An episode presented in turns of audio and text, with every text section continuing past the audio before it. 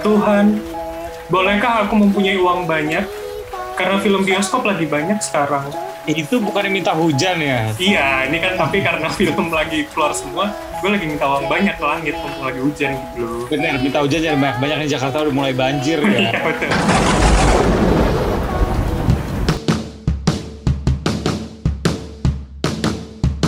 Welcome back to Broscast Bram Reza ngobrol santai di Podcast Yeay Balik lagi di Broscast bareng gue Bram Herlambang. Dan saya Reza Helmi. Jadi tadi kita sudah janjian sebetulnya men-set up jokes ini sebenarnya sepertinya lancar, tapi ternyata tidak. Masalah koneksi ya ternyata. iya benar. Gimana setelah menonton dan kembali ke bioskop Pak Reza? Sebenarnya nggak kembali ke bioskop juga, udah sering sih udah ya. Bioskop semakin ramai sekarang. ya. Heeh. Yang biasanya atau sebelum-sebelumnya gue paling satu studio cuma berdua, bertiga. Sekarang, well sebenarnya studio yang gue datengin untuk eh, eh, nonton Eternals kemarin nggak terlalu rame dibandingkan dengan yang lain. Cuma ada beberapa belas doang. Pemutaran pertama di salah satu bioskop tiga huruf itulah. Eh semuanya tiga huruf ya. Pokoknya. Enggak, kan ada 21, ada Cineplex. Kenapa gue sebutin? Kan katanya nonton di bioskop kesayangan anda kan. Kalau saya sayangnya sama bioskop yang itu doang gitu. Oh, yang cuma ada di Bekasi. Iya. Oke, oke. Terlalu rame gitu. Jadi jadi sudah mulai eh, eh, merasakan serunya, hype-nya. Eh, eh, dan yang lucunya adalah ketika beli tiket ditawarin makanan minuman, Mas ini nontonnya bakal lama loh. Ayolah snack mas, beli snack lagi. Oh, jualannya di situ ya. Ini kayaknya semakin lama film, semakin lapar orang-orang gitu ya. Oke oke. Nah sebelum kita jauh melangkah, sebelum kita jauh uh, ngobrol berdua, ini kita sudah ada dua teman yang akan ngobrol bareng kita di malam hari. Sebenarnya tiga, satu akan menyusul yaitu Mas Nanda dari Movie Break Universe, dan yang sudah datang adalah Mas Tiawan dari BB69 Channel. Halo Mas. Hey hey hey Apa kabar nih Broscast Thank you untuk diundang lagi Ya terima kasih. Dan ada Mas Aska Goldiansyah, bukan Corbusier. aduh, aduh. Halo Broscast, apa kabar? Gils, kaosnya sudah Marvel Studio bos. Aduh, kan podcast gak kelihatan kan aman ya. Oh iya, sorry. Nggak apa-apa, aman. Salah lagi. Pencitraan palsu. Oke, nah teman-teman, ini kalau kita lihat kan rame banget ya. Tidak cuman soal lamanya lembaga sensor film Indonesia memutuskan ini tayang atau tidak, atau untuk kemudian berapa tahun ke atas rate-nya gitu loh. Tapi juga soal kemudian Rotten Tomatoes mengeluarkan uh, rate buruk, kemudian IMDb juga mengeluarkan uh, bintang yang jelek untuk film ini. Nah, saya mau tanya buat kalian, Reza dulu mungkin. Gimana setelah menonton? Samakah mengecewakannya? Atau jangan-jangan ini menjadi experience baru di mata lu?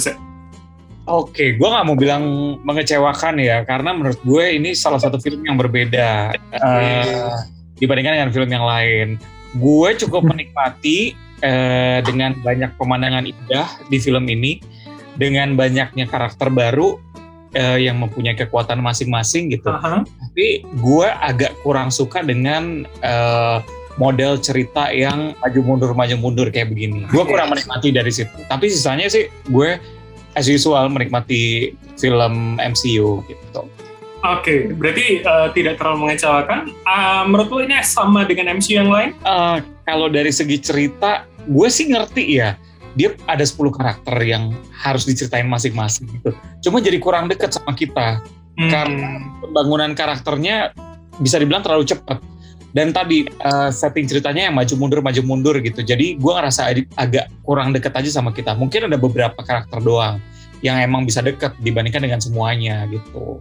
Jadi mungkin kalau kita nonton di rumah dan bisa di apa di rewind, di play dan pause mungkin lebih enak kali ya. Kita mencermati ya. Gue akan lebih banyak fast forward kali ya. Gitu. Oke oke ini menarik menarik. Tapi sebenarnya dengan apa ya tadi maksud gue bukan bridging untuk menilai ini jelek ya ketika ngomong apakah mengecewakan apa enggak. Cuman ingin mungkin ada sedikit komparasi. Mas Tiawan gimana mas? Kalau menurut saya sih dalam arti misalkan kalau dibilang apakah ini sesuai dengan nilai istilahnya nilai yang IMDb atau Rotten Tomatoes bagi saya sih berbeda sih. Kalau saya punya penilaian tersendiri saya cukup istilahnya menikmati.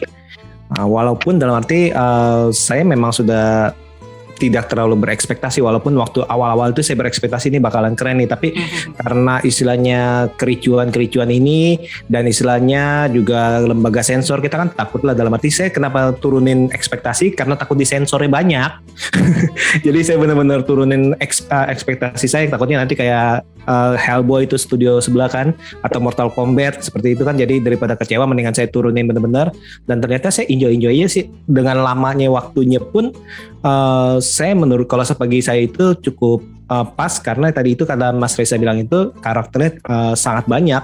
Dan keunggulan daripada si Chloe itu adalah bisa mengolah waktu segitu isanya bisa dibilang sih kalau untuk 10 karakter masuk termasuk dikit sih tapi dengan cukup cukup oke deh walaupun nggak terlalu mendalam. Dan akhirnya itu tadi kata Mas Reza juga emang uh, beberapa itu kurang mengikat di hati seperti itu sih.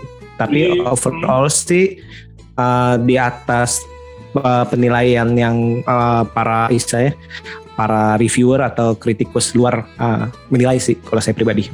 Oke oke, saya setuju sih dengan apa dengan Mas Dewan bilang ketika ini Chloe yang bikin rasanya mungkin pace-nya agak sedikit ini ya, pace-nya agak sedikit lambat untuk sebuah film Hmm. MCU yang biasa jedar jedar jedar jedar dengan aksi laga ini drama dan apa building fondasi ceritanya lebih kuat gitu ya. Mungkin mirip-mirip kita jadi inget Nomadland gimana Chloe membungkusnya. Mas Aska punya pendapat yang sama atau berbeda? Ya kalau kita bahas tentang Chloe Chow-nya si sutradara, ini kayaknya Marvel udah mulai pengen merekrut untuk penonton yang lebih ke indie gitu. Jadi biasanya kan Oke. kita pasar mainstream terus kan. Di pasar mainstream terus yang mungkin untuk semua umur gitu. Ini kayaknya pasar penonton Oscar ini dipaksa untuk cobalah ayo nonton film Marvel yuk. Yuk. Yang bikin juga pemenang Oscar nih. Kalian Ya. penasaran nggak sih gimana kalau kemasannya superhero tapi uh, lebih ke banyak pantai dan senja gitu kan? Kurang Jadi- kopi ya, Pak.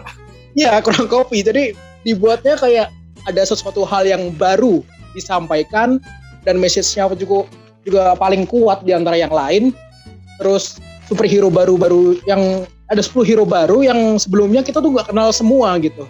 Dan kita dipaksa dalam opening sequence-nya langsung kita harus tahu nih. Oh ini ini ini ini ini gitu. Secara nggak langsung kayak 2 jam 37 menit juga rasanya kurang banget sih untuk mengenalkan karakter ini. Jadi kesannya kayak kurang deep aja gitu. Karena banyak yang potensi yang, yang bisa dieksplor gitu. Apalagi dia bercerita tentang eh, permulaan awal mula terciptanya semesta MCU gitu. Dari penciptaannya, dikenalkan Tuhannya MCU itu siapa, itu udah ada dikasih bayangan gitu. Dan Eternals itu siapa, dia tinggal Hmm. dari 5000 sebelum Masehi. Itu kan benar-benar harus dicerna dan dipahami semacam nonton kisah nabi kan jadinya oh ada 10 nabi nih dari planet lain masuk ke ke bumi gitu ya itu harus dicerna dalam-dalam dan durasi segitu kayaknya kurang dan kenapa ratingnya banyaknya anjlok mungkin banyak penonton yang shock mungkin penonton mainstream yang dibawa ke indie kaget penonton indie yang dibawa ke mainstream juga kayaknya masih perlu beradaptasi gitu. Ah masa banyak special effects dan kawan-kawan gitu. Jadi banyak pergulikan lah banyak apa ya? Perseteruan lah di tengah-tengah gitu. Enggak lah kanan enggak lah kiri gitu. Jadi ah chaos banget nih film. Jadi ibarat fans Marvel tuh sekarang mungkin ada yang konvensional yang ngikutin fase 1 Benar. sampai 3, ada yang moderat ya yang baru ya. bener jadi ibarat penonton Peter Pan sama penontonnya Hindia atau Baskara tuh tumpuk jadi satu kan jadi kayak Aduh, ah, jelasin kawan. Tapi kan gini Mas Aska, uh, Yes. banyak banyak orang mengatakan ini ya origin story, sah-sah aja dong dengan dengan tidak terlalu banyak mengeksplor gitu loh, karena ini hanya sebuah pintu masuk bahkan bahkan belum belum jembatan gitu loh untuk Benar. kemudian karakter dan MCU ke depannya. Gimana tuh? Benar ya MCU kan udah memasang fondasi dari 2008 udah 10 tahun. Jadi kayaknya mereka tuh mau bikin versi eksplorasi seaneh apa pun senyentrik apa pun pasti dimakan kok sama Marvel fans gitu. Jadi udah pasarnya udah pasar mainstream. Jadi dia di fase 4 ini mereka udah mulai nekat mulai gila aja gitu. Udah kita mau masukin horror kita mau masukin multiverse kita mau, mau bawain aktor-aktor klasik dibawakan ke sini kayaknya udah bodo amat gitu. Soalnya mereka punya powernya punya money-nya juga dan marketnya pun besar gitu. Jadi kalau mau dikasih Chloe Chow sebagai sutradaranya ini semacam nekat tapi hal yang penting juga buah movement supaya pasarnya Marvel itu lebih luas lagi. Itu yang respect dari Marvelnya gitu tidak hanya fan service tapi kemudian menjangkau yang lebih luas ya. Benar-benar setuju banget gue. Apalagi kita udah sering bahas juga bahwa uh, kiblatnya dari Disney adalah cari duit sebanyak mungkin gitu. Cuan, cuan, cuan. Luasan pasar seperti ini ini merupakan salah satu strategi bisnis yang bagus menurut gue. Karena uh, pasarnya lebih luas gitu. Dia lebih ngincar penonton yang adult gitu di mana nantinya dia bisa memperkenalkan juga ke anak-anaknya nantinya ke depan gitu. Jadi menurut gue ini salah satu strategi yang bagus sih dari Marvel Studio. Artinya ini ternyata uh, tidak mendapatkan respon positif gitu loh dari kebanyakan fans Marvel yang loyal yang dulu-dulu sudah nonton dari satu sampai tiga kemarin. Mereka tetap nonton kok benar kata Mas Aska. Tenang aja, tetap cuan, tetap duit udah. Iya. Karena mereka sudah menjadi zombie, mau tidak mau ikut. Enggak juga, mungkin juga nonton buat nyela kan ada juga tuh. oh nggak apa-apa ya. ya bener. Mas Kevan, saya tuh punya temen loh, yang dia rela nonton YouTube buat dislike doang. nah itu dia tuh nggak apa-apa. Kan kalau kalau dislike kan juga dapat cuan juga yang apa yang punya konten kan. itu teman saya jauh lah, ada di forum ini kok tapi. Oh ada ya? Mas Dewan, ini tadi udah disinggung gitu loh apa soal bagaimana emotional bonding ke penonton yang kurang. Tapi kalau menurut Mas dari 10 karakter yang sebetulnya kan cukup banyak ya dan dan mostly kita sudah kenal siapa-siapanya gitu loh. Secara hmm. bintangnya, secara karakternya mungkin beberapa fans dari komik juga sudah paham. Nah menurut Mas gimana hubungan antar personalnya? Apa beberapa kan ada love story, terus kemudian ada konflik di antara mereka bahkan di ending scene kita merasa kayak The Flash sama Superman lagi berantem kan di pantai. Kalau menurut saya sih nama apa uh, cukup manis sih dalam arti uh, hubungan kita ngomong hubungan percintaan ya di love story di sini ya dalam arti uh, walaupun memang kemarin saya sempat ngomong sih dalam arti yang saya agak lucu itu ngelihat si Don Lee sama si Angelina Jolie, si Gilgamesh sama Tinar. Misalnya kayaknya kesannya sih si Don Lee itu agak agak sungkan gitu. Kayak kalau deket-deket itu kayak bahasa tubuhnya kayak dia dia harus acting cinta tapi kayak bahasa tubuhnya itu entah itu karena si Angelina Jolie jauh lebih tua atau misalnya dia iya. benar-benar sungkan karena ya siapa sih yang nggak sungkan ah, nggak nggak sungkan sama seorang Angelina Jolie kan? Itu kan? Mungkin itu love crushnya waktu dia masih remaja kan? Mungkin sih Downing dan si Angelina Jolie kan? Mungkin kan? Seperti itu.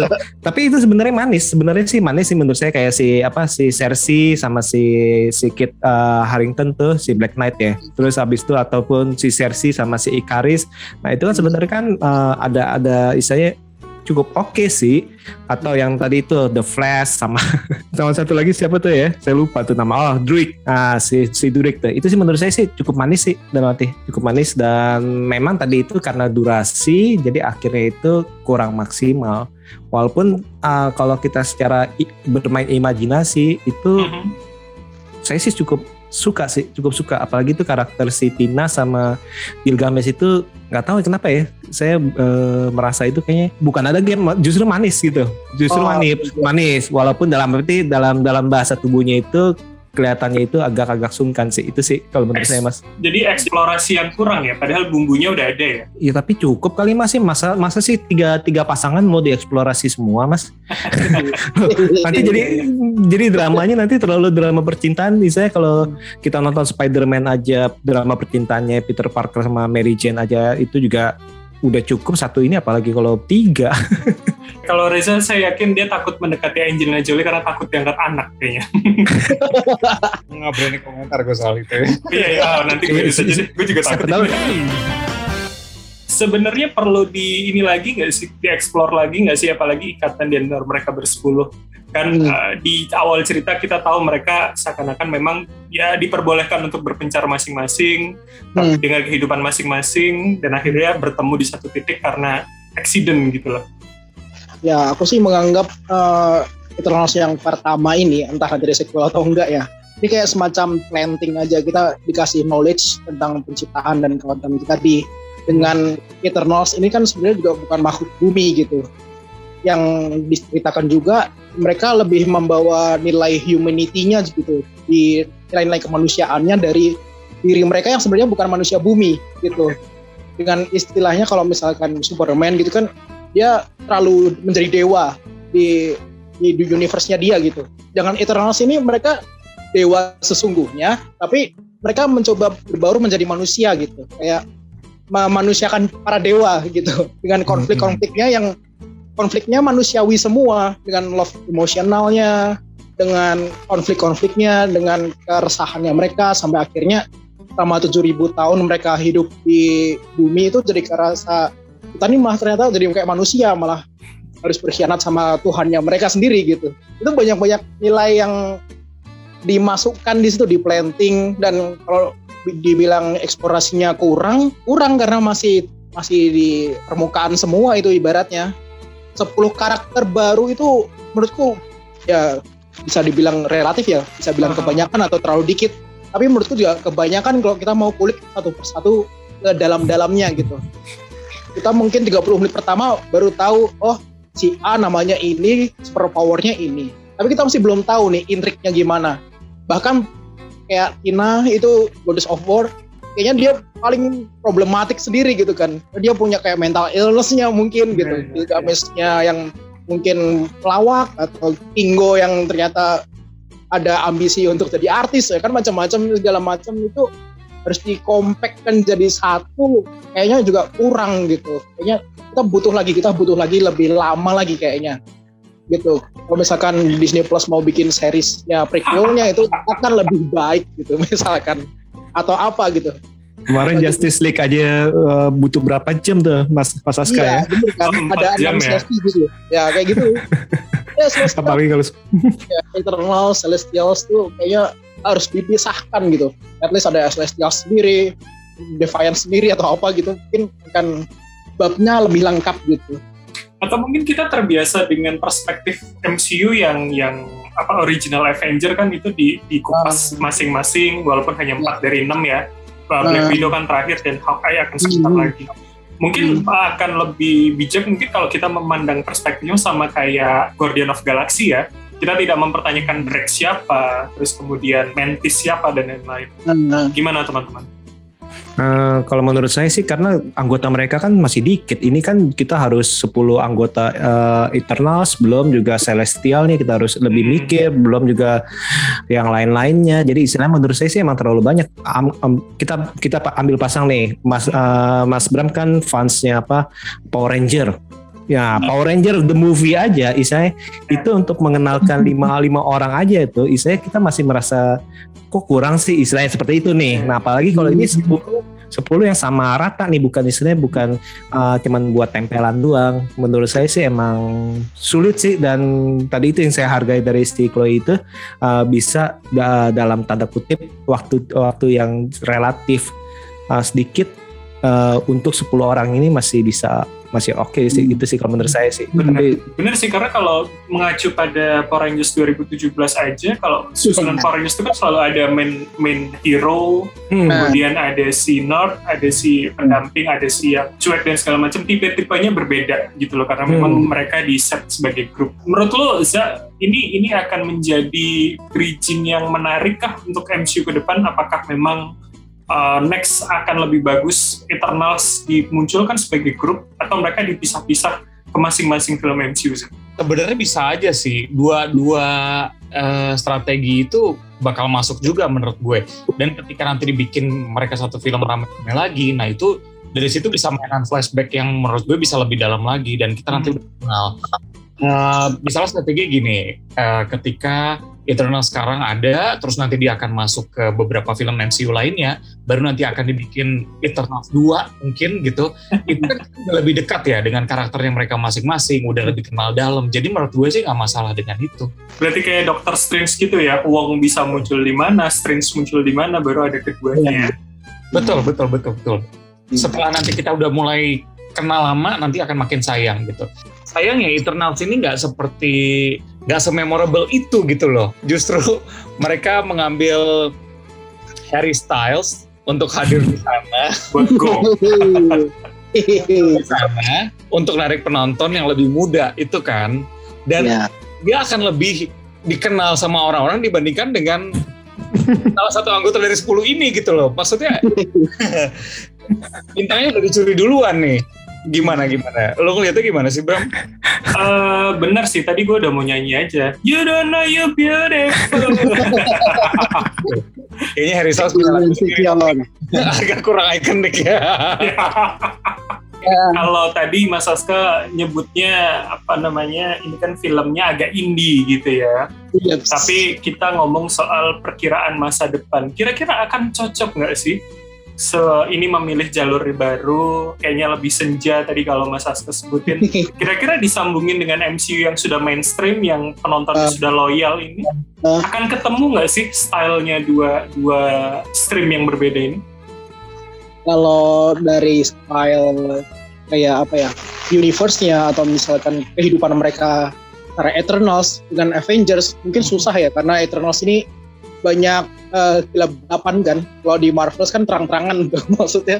Cahayanya tuh megah meriah gitu. Sedangkan Eternals kan eh, berantemnya juga di jam-jam maghrib gitu kan. Jadi gelap gitu terus senja gitu. Jadi kesannya ini kayaknya nggak cocok deh anak siang sama anak malam kumpul anak sore gitu. Kayaknya masih Hmm. harus eh, perlu waktu lah. Walaupun referensi joke-nya mereka itu bisa di bisa ngeblend gitu mereka lawakannya kayaknya mirip-mirip juga gitu. Chloe juga membawa eh, formula lawakannya dengan baik di Eternals gitu loh. Jadi mereka meskipun eh, kehidupannya lumayan berat gitu dengan melindungi bumi selama ribuan tahun ternyata mereka masih bisa ngelawak juga. Mereka masih bisa eh, bernyatu lah nyatu sama manusia lain gitu. Dan itu yang mungkin jadi potensi kenapa mereka bisa berkolaborasi kelak sama Marvel dengan gampang. Kalau dari segi powernya kayaknya terlalu ini overpower juga sih mereka. Ya mungkin kalau misalkan Hawkeye ketemu sama Ikaris itu kan terlalu jiper banget ya. Satunya main panas satunya main terbang main terbang nggak jelas gitu. Rusak meja IKEA pula gitu kan kan Ya. jauh ya. Dibandinginnya sama sama Hawkeye, bandinginnya sama Captain Marvel atau Mas. Ya Allah. Ya, maksudnya Ma- Mana kan Hawkeye? kan satu geng Avengers sampai Eternals. Ya udah kita cari yang paling bawah sama yang paling atas gitu. Kan kita langsung waduh kita satu kelas tapi kenapa gini banget powernya gitu. Sini aja cuman bisa manah doang gitu ibaratnya Sama Sam Wilson lah paling nggak udah dapat Ah, baju Captain iya. America. Nah, kalau kayak gini nah apa em, kalau Mas Aska nih kayaknya sentimen sama Hawkeye kita kasih Kate Bishop deh. Kalau Kate Bishop dia pasti bilang, "Oh, bisa juga sih Kate Bishop sih kayaknya bisa deh." Karena dia suka bintangnya gitu. Kan suka bintangnya.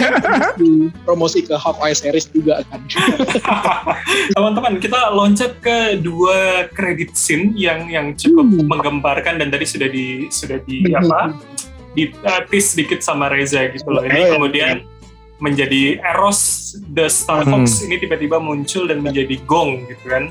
Mas Hmm. Dewan melihatnya memang ini di set untuk sebagai jembatan atau tanpa tanpa kredit eh, sorry tanpa kredit scene ini Eternals akan gitu aja sih ya orang mungkin nice to know tapi tidak mau mengulang untuk nonton. Uh, sebenarnya sih semua film Marvel kalau dari dulu-dulu kan pasti kan juga harus ada credit scene. Misalkan kayak Guardian of the Galaxy kan harus ada credit scene juga. Masih kan kayak gitu-gitu kan untuk memperkenalkan. Dalam arti mengarahkan nih kira-kira mau dibawa ke mana nih istilahnya grup baru ini.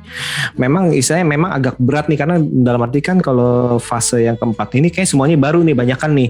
Da- dari itu Sangchi dari itu Eternal uh, bener-bener banyakan baru lah. Baru nanti muncul itu baru Guardian of Galaxy segala macam kan. Uh, ini sih menurut saya sih bridging yang oke sih. Apalagi kan sempat ngomong oh ini apa waktu itu si Thor itu nama apa gue waktu dia kecil itu gue uh, istilahnya uh, gue ajarin segala macam kan sempat sempat celotehan kayak gitu kan. Atau istilahnya "Eh, sekarang nih Avenger nih si ini ini udah gak ada nih siapa nih yang jadi kepalanya nih? Nah itu kan udah udah udah bridging bridging lewat omongan doang tuh. Dan menurut saya sih cukup oke sih dan apalagi kan kalau kemarin kan udah alien istilahnya terus habis itu penyihir. Nah ini kan mungkin kan uh, lebih lebih besar lagi tuh. Ah, lawannya kan celestial segala macam kan itu kan udah wah udah udah nggak tahu deh Nick Fury juga kayaknya mungkin disentil juga udah mental kali istilahnya. Jadi istilahnya perlu yang kalau Hawkeye kan tadi kan Mas kan ngomongnya Hawkeye kalau saya ngomongin Nick Fury aja lah walaupun Iya, jadi seperti itu sih Mas. Ini mungkin itu emang tadi Mas Reza juga uh, sempat bilang itu ya uh, Disney itu kan pasti kan uh, punya proyek ke depan itu pasti banyak. Yang waktu itu kita sempat ngomong itu ini pasti udah dipersiapkan nih. Entah itu nanti apakah beneran dipakai kayak waktu itu kan si ada Morlock kan udah lama banget tiba-tiba baru nih dikutak-katik nih istilahnya kan. Nah, mungkinan sih uh, ya hubungannya ke situ sih kemungkinan sih. Jadi mereka nyiapin ya, termasuk ini ya uh, si Black uh, Black Knight dan juga uh, Black Mr. Knight. Whiteman, hmm. itu, Whiteman itu sepertinya memang disiapkan untuk cerita sendiri nanti ya. Uh, hmm, hmm. Nggak, nggak tahu katanya gosipnya itu suaranya suara The Blade tuh bener gak ya? Oh, tapi katanya sudah di ini sama Chloe, sama ada dikonfirmasi sama Chloe itu suaranya apa Blade. Ya itu dia nggak tahu. Harus diulang lagi sih dengerin tuh suaranya Blade bukan gitu. Perlu nonton lagi dong. Oke, kalau gitu teman-teman, pertanyaan terakhir untuk masing-masing, Mas Aska dulu, tolong diberikan skor versi seorang Aska Goldie, berapa yang cocok untuk Eternals yang anti mainstream ini? Uh, sebagai penonton awam aja ya, kalau dengan film Marvel mungkin bakalan terlalu picky atau terlalu pelik gitu. Tapi kalau dengan awam sebagai film yang memperkenalkan karakter baru dan semakin mengeksplor uh, universe-nya Marvel sendiri 8 deh. Wow. 8, 8 oke okay gitu karena ada rasa-rasa penasaran dan uh, bondingannya mereka juga kuat kok gitu. Nggak seburuk yang Rotten Tomatoes bilang gitu. Entah mungkin ada isu agenda-agenda yang mereka tidak sepakati atau apa, tapi secara storytelling bagus kok gitu dari karakter, dari uh, acting sequence-nya juga itu juga rasa memorable juga. Waduh, ternyata Mas Aska lebih tinggi dari saya. Padahal dari tadi kayaknya Mas Aska yang lebih lebih nyela-nyela ya. Nggak jelas sih. Nggak jelas sih, cuman ini. Nah, kalau saya mungkin tujuh kali ya. Berarti uh, bagus, bagus, tapi istilahnya uh, kurang spesial sih berarti seperti itu. Iya, Jadi istilahnya kalau makan makan nasi goreng itu enak, tapi sayangnya kok nggak nggak pakai telur telur ceplok gitu. Sama kurang pakai cumi sama udang ya banyak kalau itu. Aduh banyak malu. Oke Za gimana Za? Berapa skornya? Uh, gue setuju sama Mas Tiawan sih tujuh udah cukup cukup tinggi ini masih terlalu ini terlalu fanatik antusias banget. Enggak ini film bisa dinikmati kok. Bagi kalian yang hmm, hmm. MCU sebelumnya masih tetap bisa menikmati film ini. Film yang cocok buat pacaran lumayan lama ya. Jangan lupa beli nggak rugi. Nonton dan makan di dalam sambil menikmati pemandangan itu aja sih dari gue. Oke. Okay. ini tuh sebetulnya secara visual next level of uh, Thor mythology nggak sih Zak? Iya kan ya? Benar, benar. Maksudnya. CGI lebih lebih desus-desus timbang eh ketimbang daripada Iron Man atau Captain America gitu loh. Benar-benar pemandangan indah ditampilin semua, CGI-nya nggak terlalu banyak, mungkin adegan berantem yang harus pakai CGI, tapi hmm. itu menikmati menikmati pemandangan indahnya, menikmati jalan ceritanya, menikmati karakter-karakter barunya gitu. Sayang adegan yang kita tunggu-tunggu dan banyak diperbincangkan tidak keluar ya. Karena untuk 13 tahun ke atas. iya, kok 13 tahun ya? Mungkin buat cuan sih, buat cuan sih. Nggak, nggak bisa diomong sih. Oke, oke, oke. Saya mau komentar agak gimana ya, nanti aja lah. Oke, oke teman-teman. Versi uncut-nya aja kali ya di Disney Plus nanti. Oh iya, atau di, ya udahlah, nanti aja lah. Teman-teman terima kasih banyak Mas Tiawan dari BB69 Channel sudah hadir, Mas Aska Goldie juga sudah hadir jauh-jauh untuk ngobrol uh, di sini. Za, kira-kira minggu depan apa lagi nih yang asik menurut lo? Aduh banyak banget film yang tayang baik di streaming maupun di bioskop ya. Tapi pokoknya kita akan bahas berusaha semaksimal mungkin semuanya. Biar nggak penasaran ditungguin aja. Oke, kalau gitu broadcast episode kali ini cukup sampai sini. Ketemu lagi di episode mendatang. Gua Bram Herlambang. Dari Helmi. Sampai ketemu episode berikutnya. Dadah. See you.